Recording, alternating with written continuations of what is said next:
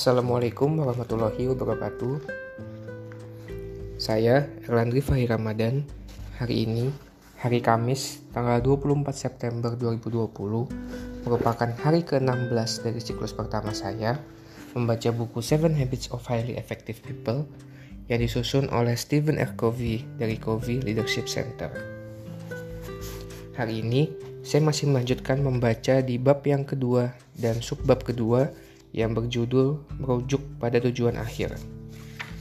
Ada beberapa poin yang saya dapatkan dari membaca pada hari ini yang dapat saya rangkum sebagai berikut. Pusat kehidupan saya akan menjadi sumber dari rasa aman, pedoman, kebijaksanaan, dan daya saya. Rasa aman menggambarkan perasaan diri berguna, identitas saya, jangkar emosional saya, harga diri saya, kuat atau tidaknya kekuatan pribadi yang mendasar. Pedoman berarti sumber arah hidup saya yang tercakup pada peta saya, kerangka acuan internal saya yang menafsirkan apa yang terjadi di luar sana merupakan standar atau prinsip ataupun kriteria implisit yang mengatur pengambilan keputusan dan pelaksanaan saat demi saat. Kebijaksanaan adalah perspektif hidup saya rasa keseimbangan saya, pengertian saya tentang bagaimana bagian dari prinsip berlaku dan berhubungan satu sama lain.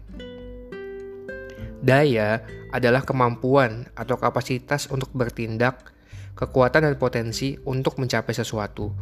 Daya juga mencakup kapasitas untuk mengatasi kebiasaan yang sudah tertanam dalam dan mengusahakan kebiasaan yang lebih tinggi dan lebih efektif.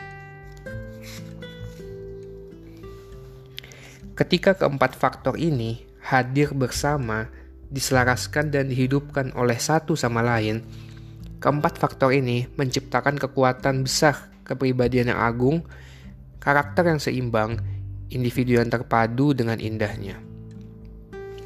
Berikut merupakan poin-poin yang saya dapatkan dari membaca pada hari ini. Terima kasih. Wassalamualaikum warahmatullahi wabarakatuh.